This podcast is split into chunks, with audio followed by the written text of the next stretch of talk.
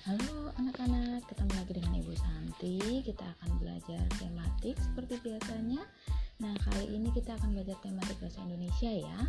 Materi kali ini yang Ibu ajarkan adalah materi uh, kalimat ajakan dan kalimat penolakan. Nah, anak-anak, ayo kita lihat apa sih itu kalimat ajakan dan kalimat penolakan? Kita lihat satu-satu ya.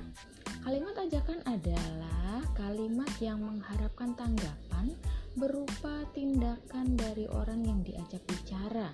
Kalimat ini ditandai dengan kata-kata ajakan yang khas. Cara membuat kalimat ajakan adalah ditujukan kepada siapa, kemudian isi ajakannya apa, tempatnya di mana, kemudian diakhiri dengan tanda seru. Contohnya, Tina, ayo bermain boneka di rumahku. Nah, di situ jelas ya, ada kepada siapanya, kepada Tina. Kemudian ditujukan kepada siapa? Kepada Tina. Nah, kemudian eh, apa isi ajakannya? Di situ isi ajakannya adalah ayo bermain. Nah, kemudian tempatnya di mana? Di rumahku. Nah, jadi kalimat ajakan yang baik, Tina, ayo bermain boneka di rumahku. Nah, diakhiri dengan untuk kalimat penolakan, kalimat penolakan adalah kalimat yang menunjukkan tidak setuju atau kurang setuju. Nah, kurang pendapat terhadap suatu hal. Nah, kalimat penolakan sebaiknya disampaikan dengan bahasa yang santun. Bagaimana sih caranya? Yakni menggunakan kata maaf dan terima kasih.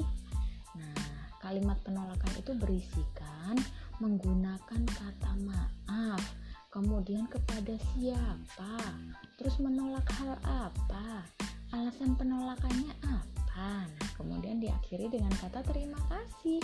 Contoh kalimatnya begini.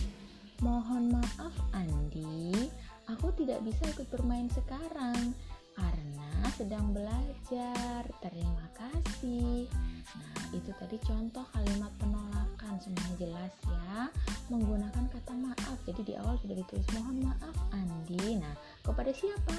Pasti kepada Andi. Jadi mohon maaf Andi. Nah, menolak hal apa? Nah, di tadi disebutkan aku tidak bisa ikut bermain sekarang. Nah, itu hal yang menolaknya nggak bisa ikut bermain. Nah, kemudian alasan penolakan tadi di situ jelas karena sedang belajar. Nah, kemudian baru diakhiri dengan kata terima kasih. Nah, jadi Ibu sebutkan sekali lagi contoh kalimat penolakan. Mohon maaf Andi, aku tidak bisa ikut bermain sekarang karena sedang belajar. Nah, anak-anak, itu tadi contoh kalimat ajakan dan kalimat penolakan.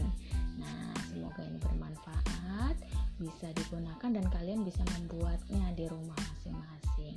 Oke, sampai ketemu lagi di pelajaran berikutnya. Terima kasih sudah menyimak pelajaran hari ini. Bye bye.